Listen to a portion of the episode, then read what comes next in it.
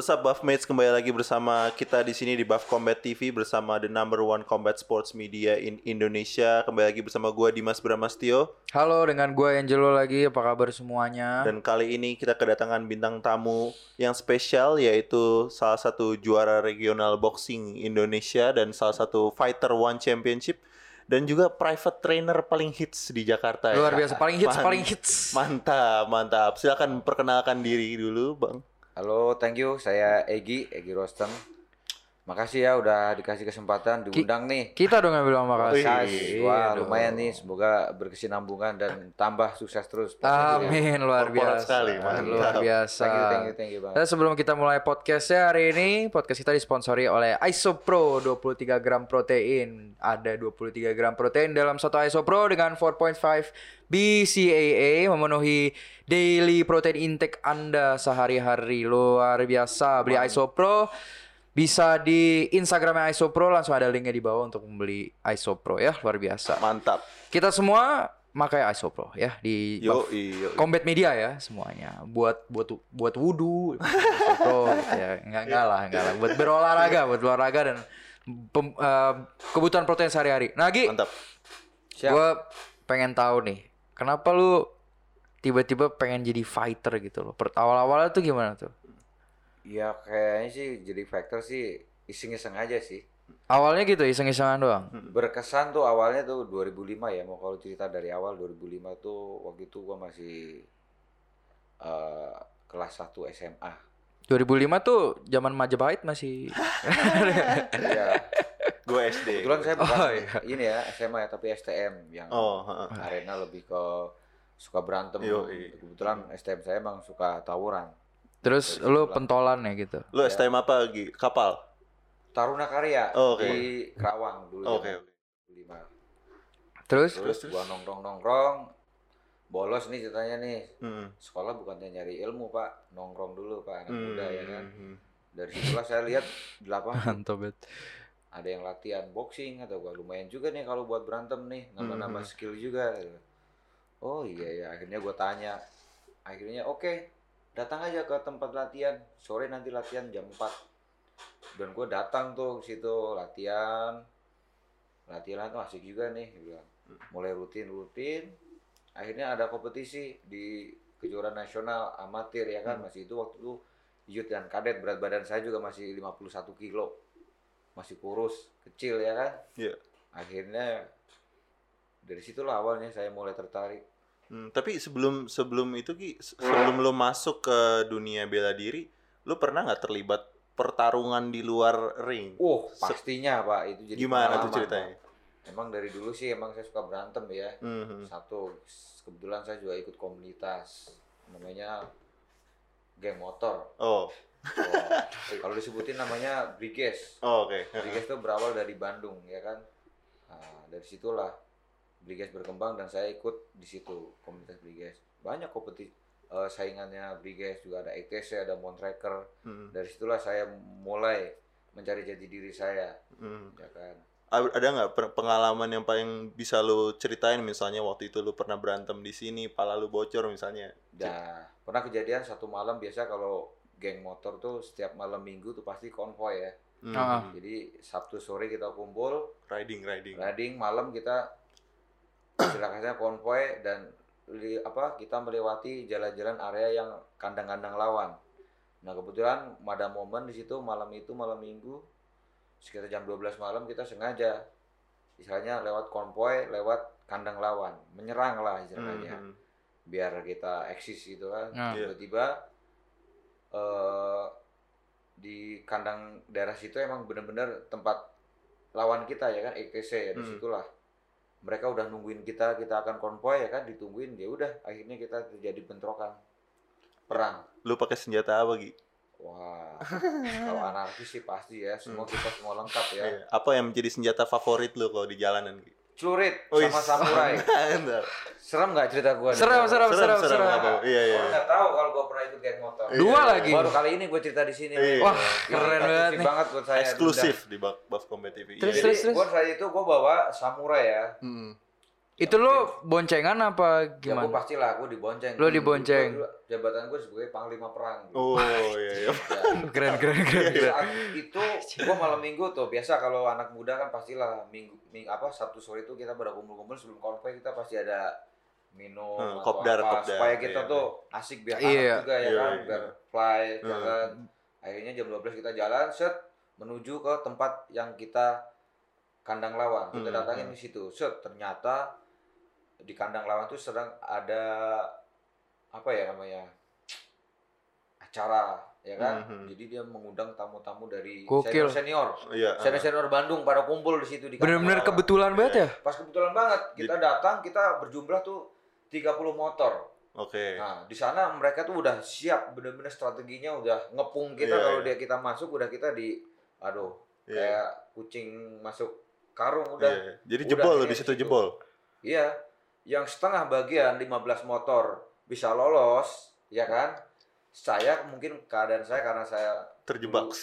satu enggak karena sebagai panglima ya. Oh. Saya nggak mau yang melewati momen-momen itu gua mundur dan gua kabur gitu. Yes. Dan gua turun dari motor eh, joki gua udah kabur.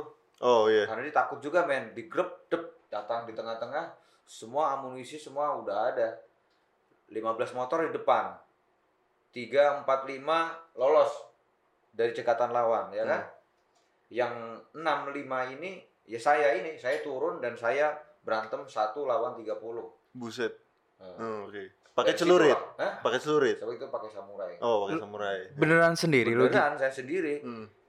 motor satu yang pertama kan barisan depan kan saya ya kan satu dua tiga empat lolos ke depan Hmm. udah udah lepas nah yang 15 di belakang cuma melihat karena nagen ya kan nagen karena wah masanya lebih banyak akhirnya yang 15 kedua itu tertahan dan mundur balik Mhm. daripada dia mati konyol di depan Iya. nah saya yang di barisan pertama 15 pertama 5 sampai situ udah kabur udah lolos ke depan kan saya turun Hmm. gue pikir sih yang temen-temennya juga ikut maju Ikutan. di belakang. Ternyata enggak. Ternyata dia balik mundur. Iya. Iya. Nah gue di situ lah men. Gue ketemu satu, Iya. set set set set.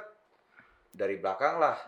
Gue diambil kayak RNC. Karensi Iya. gitu. Nah, mau ke mana? Nah, di situ lah gue hancur di situ. Oh. Kenapa lu? Hah? Di, I- iya, diapain? menurut lo digebukin 30 orang? Lo bayangin men, geng motor tuh amunisinya apa sih? Ya batu lah, ya barang lah, Oh. ya kan. Tapi gue dari situlah sempet tertolong. Momennya pas di saat itu ada kayak patroli polisi. Wah. dengar kejadian dan infonya mungkin ada keributan malam itu pas banget ada buser atau standby di situ dengar suara tembakan dar langsung pada mundur Oh. Hah? yang Pas lain, banget ya. ma- ma- lawan Iya, pada mundur cet, dan gue dilepasin akhirnya gue kaburnya joki gue juga kabur lari ke mana nggak tahu ya kan nah motornya gue masih ingat ini joki motor joki gue nih gue naikin set Iya. Kayak Nah, GTA banget ya. Kayak iya. Persis daerah daerah daerah situ gue udah berdarah berlumuran darah men Oh, lu kena apaan aja, Gi? Iya menurut bacok. kepala 30 orang Iya, men iya. kalaupun digebukin juga Gue tadi mikirnya dia pas dicekek belum kena apa-apa. Nah, kan. ini nih nih, bukti gua nih, tangan ini. Ah. Gua masih nangkis, masih ingat. Oh, huh. oh nangkis ini eh, Nangkis tajam. sambutan, Ih. sambutan samurai lawan. Oh, anjing. Hmm. Tak. Hampir mau copot, Oh, huh. ya kan? Terus ini mungkin kena botol atau apa. Tapi gue sempet setelah momen itu ada tembakan polisi dar lawan pada kabur ya kan? Karena mungkin ya apa ya ada user ya kan. Gue masih ingat juga di situ ada motor joki gua lagi motornya tidur gue angkat cet gue naikin jalan. Lo cabut. Jalan nggak jauh dari 10 kilo ah nggak 10 kilo ya. Sekitar daerah situ ada tongkrongan teman gue ya kebetulan geng kita juga banyak pan Iya, apa teman-teman gitu ya pada nongkrong di depan bioskop. Akhirnya gue datang set sendiri set kenapa Gi kenapa Gi gue habis nyerang di sini nih. Hmm. Ceritanya habis nyerang ya kan Iya. oke nggak lama kemudian gue dagen di situ darah berlumuran set nggak lama kemudian ada biasalah habis tawuran gitu pasti ada patroli ya Iya. polisi dari Hmm. polsek setempat itu langsung nyisir set lihat saya berdarah akhirnya saya dibawa ke rumah sakit Oh. dari polisi dan saya di oh, pertama ke polsek dulu habis itu ke rumah sakit karena saya banyak kendaraan di situ Hmm. Terus bes Udah. itu besoknya lu mesti sekolah lagi habis itu. Oh pastilah Iya. gua nggak bikin langsung sekolah ya Hah? pastilah babak belur muka gua nah, Nah dari- setelah dari situlah gue tetap langsung biar bawa mundur gue tetap bisa jalan men Iya. nongkrong Iya. lihat tongkrongan anak-anak gue yang sekolah tuh sekolah SMK Taruna karya kan suka ribut ya kan Terus gimana Gi? Gua Ab- biasa lah Abis itu itu yang bikin lo akhirnya ya udah yang kalau mau berantem berantemnya kayak boxing aja deh. Nah, atau atau setelah itu Hmm. itu paling paling trauma lah Nah, atau ada ada kejadian lagi setelah eh, itu. kebetulan sebelum itu sih emang saya udah latihan boxing temu belum rutin Hmm, Belum jadi rutin. atlet Masih belum. iseng-isengan doang ya. Baru iseng-iseng aja. ya. Iya. Nah, next kemudian ada eh, info katanya lu ada kejuaraan nih mau ikut gak di kejuaraan nasional ya kan Hmm. amatir ya udah saya ikut Oh lu Dan- pertama kali fight di kejurnas langsung? iya ke Jurnas Oh, nice. 2005 di Eh. Sukabumi itu Oh, oke. waktu itu partai utamanya di situ ada Daud Chino Jordan Oh. Wah. itu masih amatir tuh 2005 tuh Iya, iya. masih ingat tuh Daud masih senior tuh di Hmm. tinju amatir dari situlah saya mulai bertinju set, set, set, set.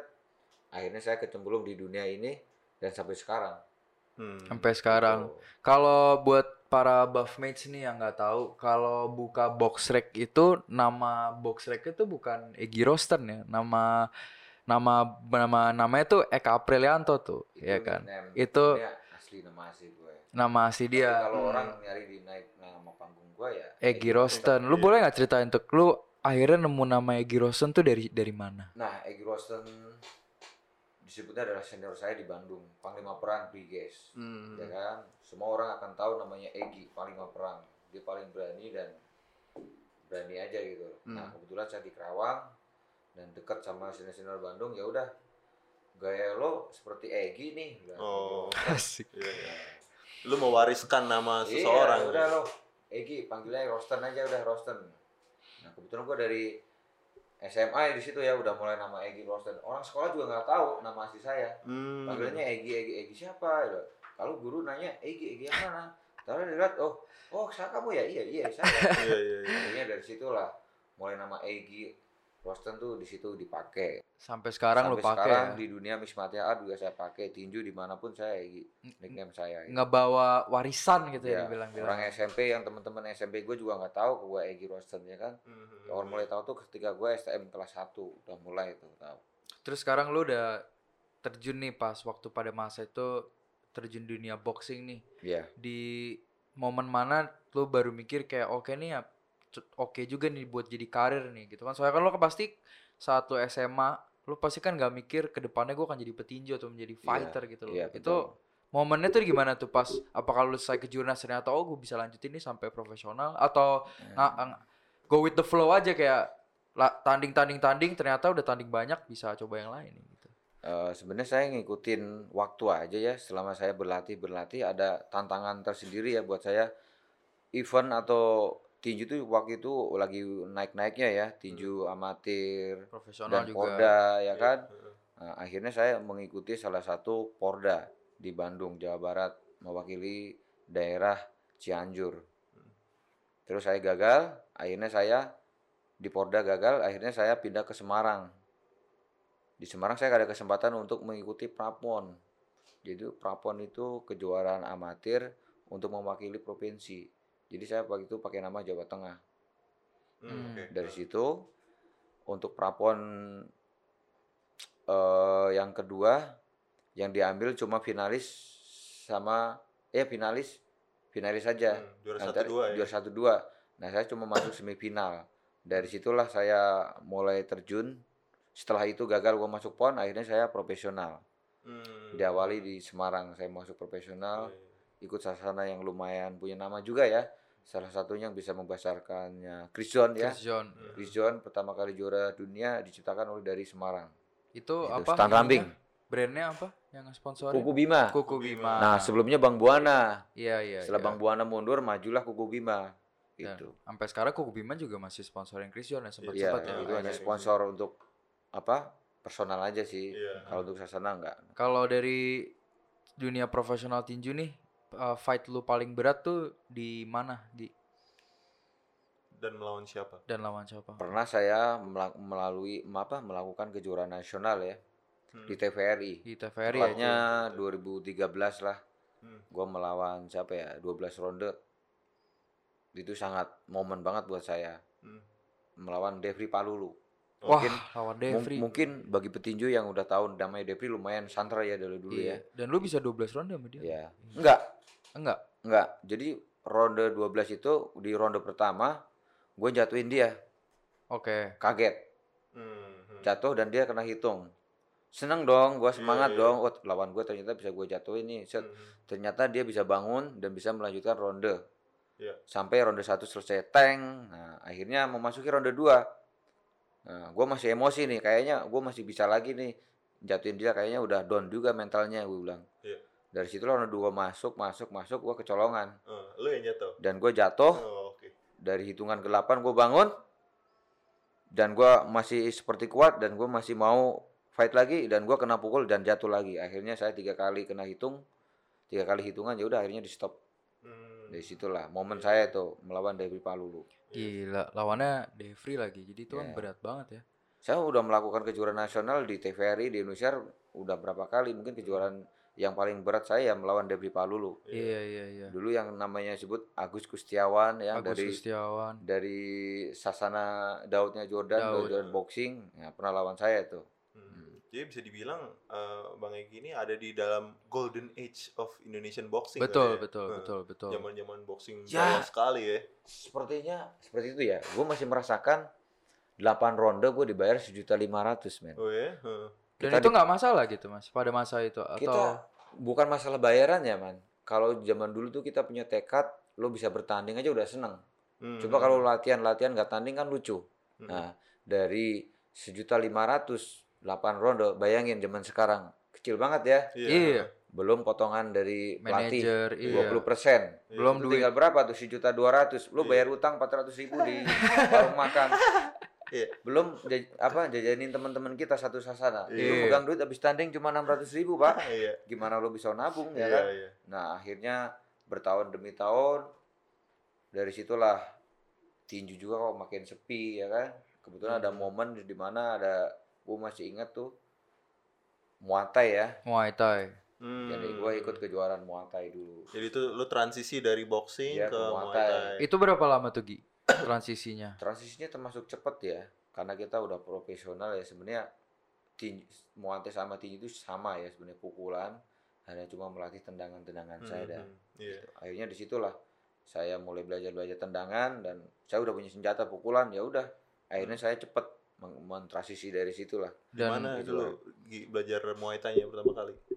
di mana ya gue belajar ya di di Bos Bandung. Enggak. enggak enggak enggak gue belajar iseng-iseng aja ya Hmm. kan sempet, sempet gua ke Phuket ya kan latihan Oh, latihan sempat ke Thailand ya, juga. di Hmm. Sumale boxing game Iya. saya latihan dan saya belajar di sana akhirnya saya mengikuti kejuaraan-kejuaraan di Jakarta Hmm. waktu itu zaman Pras Muide ya MPI Muide, Muay Thai MPI. Profesional Indonesia. Dan Hmm, saya itu mengikuti di situ. Nah, kalau buat kalian yang nggak tahu nih juga ya, Gi, sebelum di One juga sering fight di luar negeri juga ya, di Hmm. Muay Thai di Thailand, boxing di, Jepang juga. Malaysia Di Malaysia. Malaysia.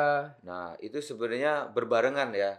Egi kok bisa ya? Ya karena belajar kan. Pastinya ada kemauan di situ pasti ada jalan ya kan? Hmm. nah gue belajar. Di saat itu momen Muay Thai di situ juga ada tawaran bertanding mungkin dibilang gue saya paling aktif banget loh Iya. orang bilang Egi semuanya bela diri diborong Hah? ya tinju lah ya Muay Thai lah Eh, Ada sempat ikut sil- ikut silat sempat Iya. ya, Wushu. silat. One silat di Iya. Malaysia Iya. Ya mungkin karena kita dulu ya, saya tuh apa aja lah yang buat saya sih bisa mendapatkan uang ya. Hmm. Buat saya tanding ya no problem lah. Mungkin saya pernah tanding sebulan dua kali Hmm, hmm. Waktu itu karena memang ya saya ikuti aja lah dia bilang. Terus latihan latihan. Hmm? udah mulai sering tanding, ini berarti udah nyampe fase di mana lu Muay Thai gitu loh. Iya. Pas di saat lu udah mulai Muay Thai, udah mulai ngajar orang-orang belum? Udah mulai buka Rosten Academy secara diam-diam belum? Gue mulai ngajar tuh 2016 ya. Berarti baru banget Baru dong ya? banget. 2016 tuh Iya. masih baru 2016. banget ya. Tepatnya sih waktu itu gua mulai start tuh lihat temen-temen ada namanya di Senopati namanya Sena ya. Hmm. Lihat teman-teman pada ngajar di situ saya main di situ akhirnya saya ditawari, "Gi, lo mau ngajar gak?" "Boleh," kata gua. Itu yang yang yang nawarin siapa tuh? Orang Siena situ. Orang Sena bosnya langsung, orangnya langsung. Udah gua freelance aja di situ. Ya udah gua freelance. Hmm. Sambil gua latihan dan gua ngajar juga dikit-dikit lumayan, dong. Gua Lumayan iya. "Ah, oke Oke, dan di situ wak- waktu itu gua 2016 juga pernah apa? berkecimpung bantuin orang juga. Mhm. Disebutnya asisten lawyer lah. Iya. Oh, Ya. itu asisten lawyer lu sempet berarti kurang lebih kerja kantoran ya di Iya, situ kerja ya? kantoran lah. Di Iya. situlah gua dua tahun. Gua merasa dunia gua nggak hanya asik nih. Gue pengen Hmm. kembali yang dulu deh. Dalam satu hari kadang-kadang gua pindah sana, pindah sini, sampai malam pulang malam. Biasanya gua olahraga ya kan, Sambil nongkrong. sambil gitu ya. nongkrong, olahraga kok kayaknya dunia gua lain banget deh. Gue pengen tanding juga gitu. Akhirnya gua udahlah. Akhirnya saya jadi di situ lah di Sena. Akhirnya kerja, ngajar dan latihan. Udah akhirnya di situ. Nah dari situ kan udah mulai berarti kan ternyata lu udah mencoba untuk kerja seperti orang layaknya gitu loh Layaknya. kerja jam 9 sampai jam 5 gitu Hmm. loh. Ternyata nggak nyaman gitu. Nggak ternyata nyaman, ya bisa dibilang ada kar- opsi karir yang lain gitu ya Iya. di luar kerja monoton gitu loh. Hmm. Nah, mulai dari situ Egi udah mulai terkenal jadi orang yang ngajar sama atlet Muay Thai sama boxing nih. Iya Hmm. betul. Nah dari sekarang dilanjutkan dia tiba-tiba turun nih ke dua MMA karena gue masih inget di acara yang lu fight di GFL itu pertama kali lu main MMA ya? Yang lawan Heronimus. Iya ya gue itu Iya. itu pertama. Itu 2016. Oh, Garuda 2016. Fight. Itu Itu yang Garuda Fight League yang di ini ya, yang di yang Siam di ya. Kuningan City. Iya. Oh, yang lo ngikutin Kuningan banget ya. Oh, yang- Lo masih inget ya. yang Iya, gua gua main masih juga inget tuh. masih- Iya, yang lu ketemu main juga. ya itu rumus ya itu. Iya. Iya. Terus kedua ikut-ikut acara biasa tuh silat Eh, bebas. silat bebas, iya. Oh, iya. Ya Oh, kan? yang yang ngidein lu untuk tiba-tiba udah Gi, nih sekarang ikut MMA aja apakah ada orang nggak yang bilang kayak ini prospek baru atau lu, lu sendiri kayak ayolah coba aja karena lagi lumayan gede kan UFC baru mulai agak mulai Iya. mainstream gitu kan Iya waktu itu sih momennya sih belum orang tahu akan MMA seperti sekarang ya. iya Iya. Taunya ya udahlah ikut tanding tanding aja. Iya. Iya. Gue tanding, akhirnya tanding. Gue tanpa belajar. Hmm. Kalau MMA kan harus punya ground Ground. fighting. Iya. Gue nggak ada tahu namanya ambar, namanya apa. Gue nggak tahu. Itu bener-bener lu Taunya ada gua- juga. Taunya gue cuma basic pukul tendang pukul tendang dan lari. Lari. Dan gue ketika Larinya itu loh. Nah, lari itu lari Ya kan? biasa. dan gue nggak nggak tahu bagaimana menghindari takedown Takedown, orang ketika nah. di pas posisi takedown bagaimana gue nggak tahu. Hmm. Ya udah akhirnya gue terjun di dunia MMA jadi seperti itu dan lambat laun gue akan pasti belajar ground fighting ya Iya, sedikit sedikit ya. itu gimana Gi rasanya Gi pas pertama kali lu fight MMA gitu loh yang wala kayak misalnya kan dari boxing terus ke Mm-mm. kickboxing ke Muay Thai gitu kan itu kan nggak beda jauh cuma Iya, nambah ah, tendangan terus Iya. rasanya tuh gimana tuh kayak lu tiba-tiba main MMA gitu Ya buat aku sih biasa tanding ya. Hmm. Buat aku sih sama ya sebenarnya. Sempet Secara kaget nggak mental, pas? secara mental Iya, sama. secara ya. mental. Secara mental sama ya. Kita nih udah melakukan fighting udah sering gitu kan maksudnya. Oh ya, dia lawan, saya juga latihan, dia latihan, latihan gitu. Sama-sama punya skill dan punya senjata masing-masing. Iya. Ya, ya mungkin gua punya pukulan, gua punya tendangan. Ya udah di situ. Hmm. Tanpa gua sadari, ya gua tetap kurang kalau untuk di MMA gua harus belajar lagi gitu loh. Iya iya iya. Emang Gitu. butuh proses ya. Butuh kalau proses MMA nggak bisa MMA. langsung bisa langsung melejit orang langsung di atas men orang akan tahu oh, basicnya apa kan dipelajari di Iya. situ. Iya, tapi gue lihat-lihat emang lu tuh orangnya coba dulu eh, pikir belakangan yang penting Iya, main iya. main aja dulu Iya. ya kan Modal Iya, nekat, modal nekat. modal tapi iya tapi menurut gua Egi bisa jadi Egi kayak sekarang gara-gara Hmm. nekatnya sih Iya, Iya. Iya. modal kenapa enggak dari situlah gua punya kayak gitu. Ya emang dari dulu gua udah super warrior men. Hmm. nekat. Lo iya, bayangin iya, aja iya. men. lo kalau pikir Ninja dari warrior. motor dari motor itu hah, orang yang 15 mundur gua malah maju. Iya lo bayangin masa segitu bayangin gua majuin aja. Iya iya. Iya. Ya udah dari situlah emang gua udah terbentuk dari situ kali ya jadi mental geng Mental. motor lu tuh dibawa ke arena iya tapi yang udah siap iya, Iya. apalagi kalau udah namanya mandi darah mandi darah mah udah biasa men Iya, kalau kayak Dari Egi situ. gitu kan enak ya, mentalnya udah jadi, jadi emang tinggal ngasah fisik Ngasah aja. fisik, Iya, ngasah fisik teknik, aja. gitu, Iya. main, iya, iya. Yang penting mungkin kebalikan kayak gue ya kali ya gue latihan teknik tapi ada mental cerita gue lagi. mental tai Iya, iya. kenapa? gue pernah bertanding last minute dan Oh. sering gue lakuin itu last minute Sering, Sering, sering. sering. Ini kita baru mau TW mau Oh, ngomongin iya, itu. kita baru mau Iya. ngomongin Iya, itu. ini kan lu abis fight lawan Hieronymus, kebetulan ya nggak kurang beruntung lah ya Iya, gitu. beruntung. Abis itu dapat kesempatan lagi itu main di silat bebas di The Breeze, di BSD, di ya. BSD, di Breeze. Iya. Nah, di fight itu Egi menang cepet tuh, Iya. KO. Iya. Nah, di situ udah mulai terbentuk tuh kayak wah Egi kalau di MMA pukulannya kencang nih Iya. gitu. Tapi sebelum gue lanjut ke ngomongan last minute ini nih, lu main silat beb main one silat dulu apa? Main one silat dulu. Main one silat dulu ya? Tepatnya 2016 juga itu. Iya iya. Karena saya bisa tanding tuh sebulan bisa dua kali, tiga kali. Lo Iya. bayangin. Ya kan? One Lu Silat bayangin itu aja. yang di Malaysia ya guys ya? Iya. kan? Muay Iya. Thai di Malaysia, one silat di Malaysia itu lebih sering ke Malaysia. Hmm, hmm. Oh, orang Malaysia dibilang Muay Thai itu nak Muay. Yoi. You tahu kita Indon, Indon Indonesia. Anjay. Semua orang tahu. Mungkin orang timnas timnas Muay Thai yang sering tanding di SEA Games tuh pasti tahu nama saya. Egi Hmm. Indonesia. Kenapa Yuta Fight Egi di Muay Thai? Mantap. ya kan? Iya. iya. Karena apa ya? Mungkin mereka memakai lebih-lebih yang atlet-atlet Indonesia lebih yang muda-muda ya kan. Hmm. Mungkin ada batasannya sekarang Muay Thai kan aturannya ya kan Muay Thai di bawah 23. 23. Jadi di atas 24, 25, 26 nggak bisa main lagi di Hmm. Muay Thai amatir. Akhirnya akhirnya saya udah pro aja gitu. Kalau Terus kayak one silat gitu transisinya nggak susah ya kayak Muay Thai sebenarnya. Kayak MM, semi MMA sedikit. semi lah ya. MMA dikit, Semi MMA ya. sedikit. ya. Cuma lu harus disuruh kembangan ya awal-awal. Cuma pembukaannya pakai ada kembangan namanya Iya, silat ya kan iya, di situ iya. kan di situ ada kembangan. Lu main ngasal. ya gua nggak salah aja ada kembangan gitu. Itu Gini mungkin mungkin ya gua sedikit belajar ya mana Ih, gimana nih kembangan nih oh begini begini oh cuma tiga langkah empat langkah aja udah selesai ya udah Iya, akhirnya iya. belajar kembangan di situ lah akhirnya belajar kepepet ya. Tetep. Iya, iya, iya. Iya. tandingnya juga di dunia baku pukul Baku ya pukul, kan? iya. pukul tendang kalau emang ground fighting bisa pukul ya pukul Iya. paling andalannya cuma ketika lawan di bawah bisa mukul ya udah Iya, iya. kita punya pukulan ground fighting aja udah Iya.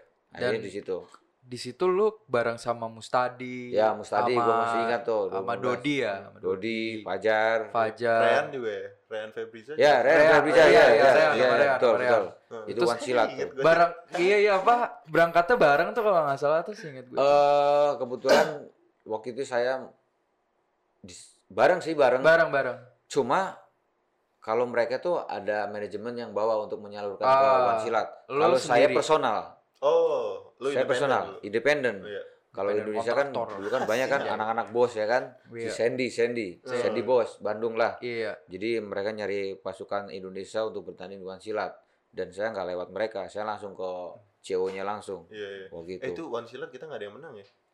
Siapa yang menang? Pokoknya yang sempet jebol tuh Mustadi deh. Habis itu Mustadi. Mustadi Mustadi Mustadi dia cedera. sampai semifinal atau Oh. sakit atau sakit cedera atau sakit gitu. banget. sampai final dan eh waktu itu bulan apa ya Pertengahan tahun ya. pertengahan tahun ya pertengahan tahun dan iya. finalnya itu di bulan akhir tahun Iya iya iya Nah, iya. finalisnya di akhir tahun akhirnya Iya. Mustadi nggak bisa tanding bisa mungkin sakit diganti gitu. sama di ah, siapa gitu deh. orang-orang kan kaget orang-orang Indonesia yang lain kok Egi ada tanding juga mereka nggak tahu kalau saya lewat sendiri Iya, iya. personal wih Eh. eh, udah Egi ikut juga gitu bilang tahu Iya, iya, iya. Keren keren keren. Nah, ngomong-ngomong baru nih udah Egi kan udah pengalaman udah banyak nih ya. Jadi Gua sambil minum kopi dong Oh silakan Silakan, silakan.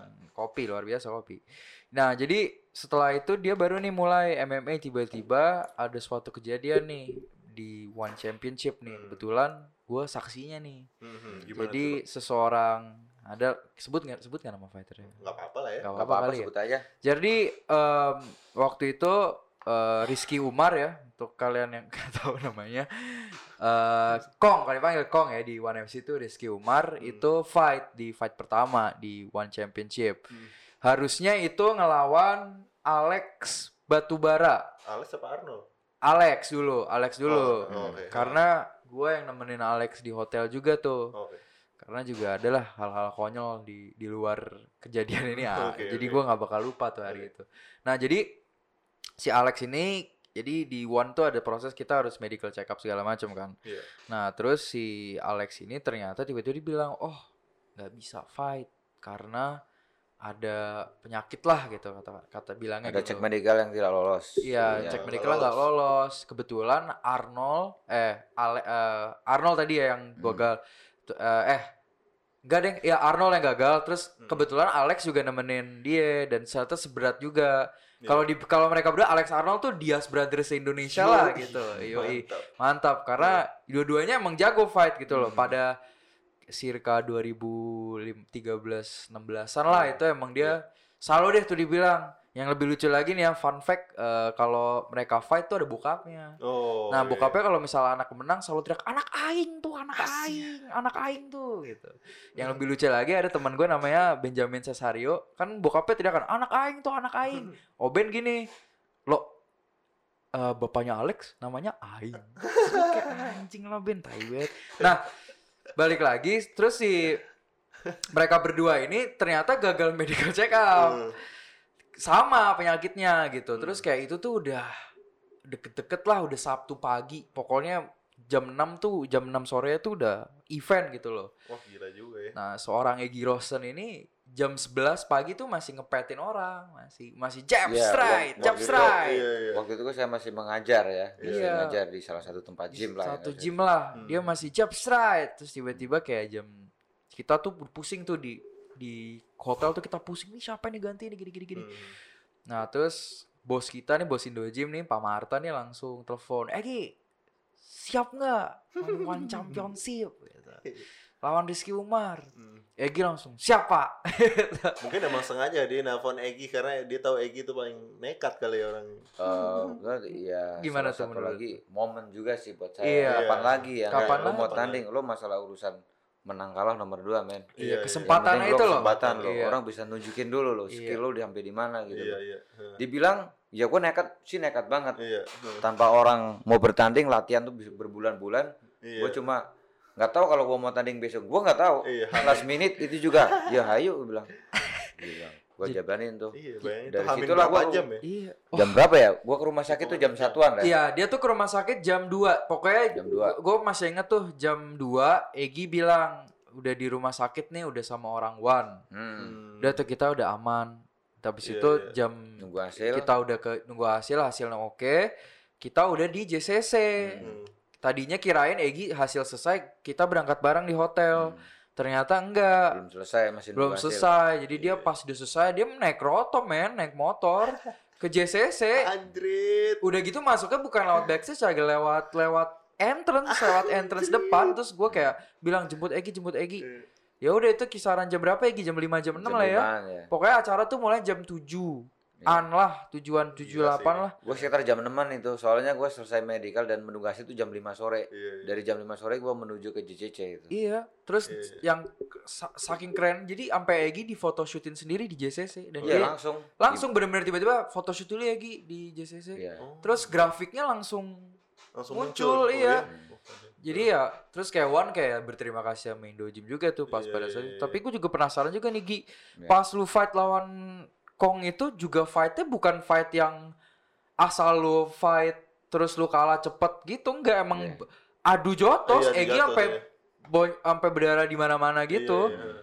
Itu emang lu pas fight pas masuk cage nih Hmm. walk out lu Iya. emang mikir gua habisin bensin gua atau gua ngasih performa terbaik atau emang in the moment aja tiba-tiba lu begitu Eh, Sebenarnya sih, lah ini saatnya lah. Ini momen kamu Egi.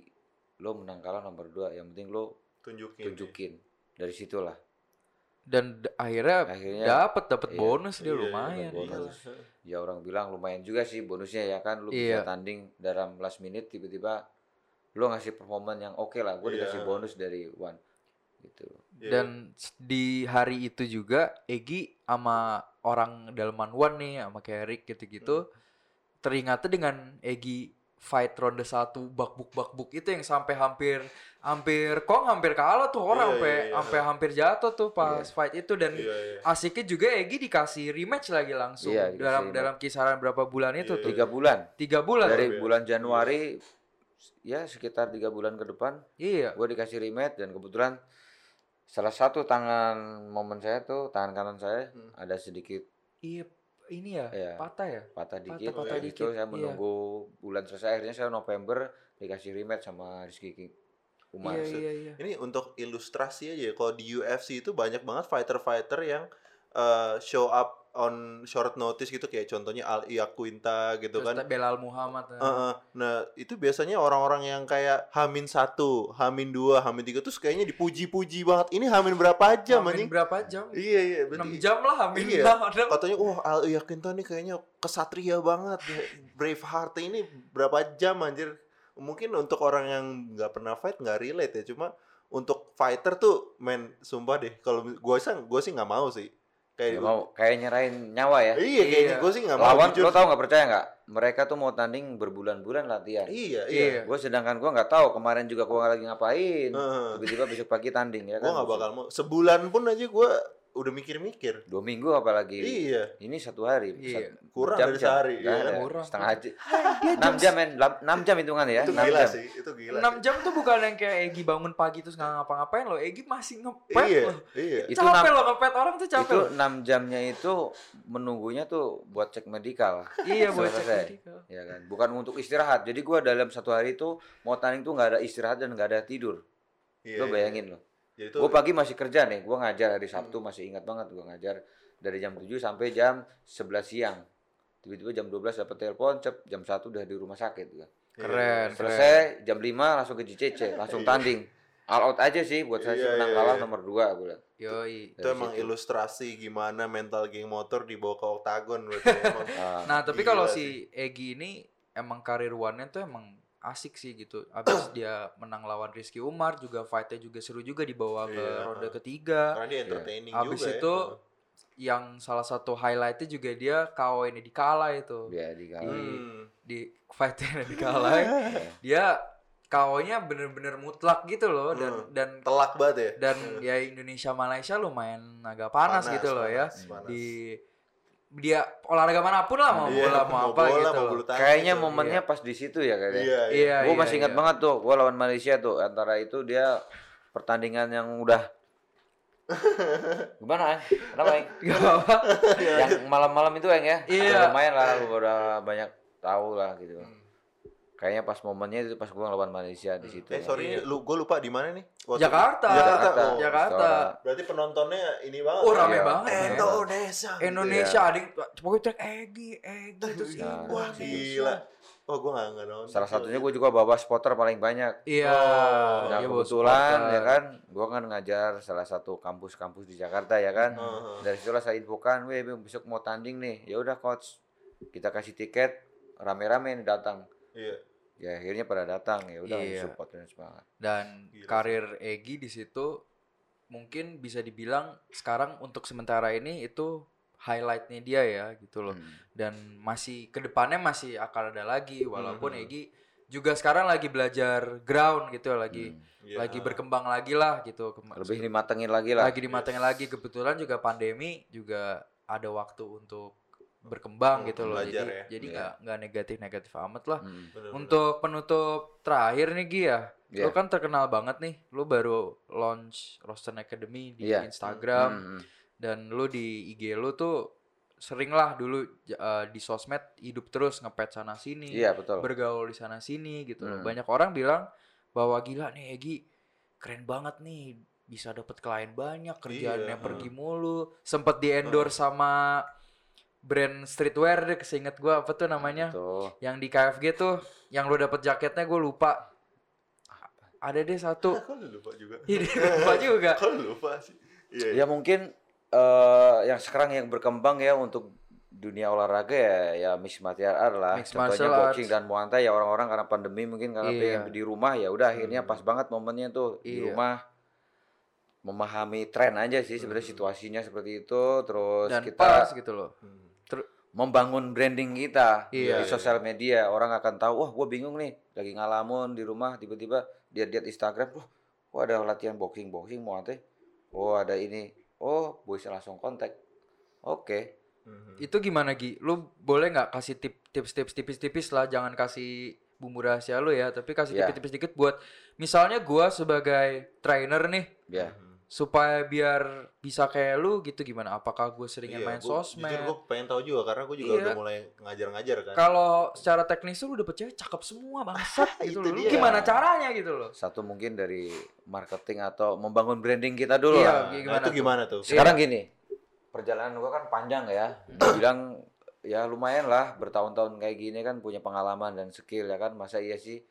Fashion saya cuma gitu-gitu doang kenapa orang lain bisa saya enggak? Iya. kita coba apa yang membuat kita eh, beda sama yang lain mungkin dari program-program latihan kita Mhm. lebih ke skill hanya bukan untuk nurunin berat badan atau weight Iya, loss ya. fitness- kita kadang lebih ke skill. gitu. Kadang-kadang ada nih salah satu murid saya, ah gua malas nih dilatih sama yang PT-PT biasa, gua maunya di pelatih sama yang atlet gitu. atlet Fighter, atau fighter. fighter langsung. Nah, kebetulan dia punya branding juga kan. Wah, nama saya. Oh, Egi. Oh, ya tahu Egi ya kan. Hmm. Siapa gitu kan. Akhirnya ya ya sudah di situ.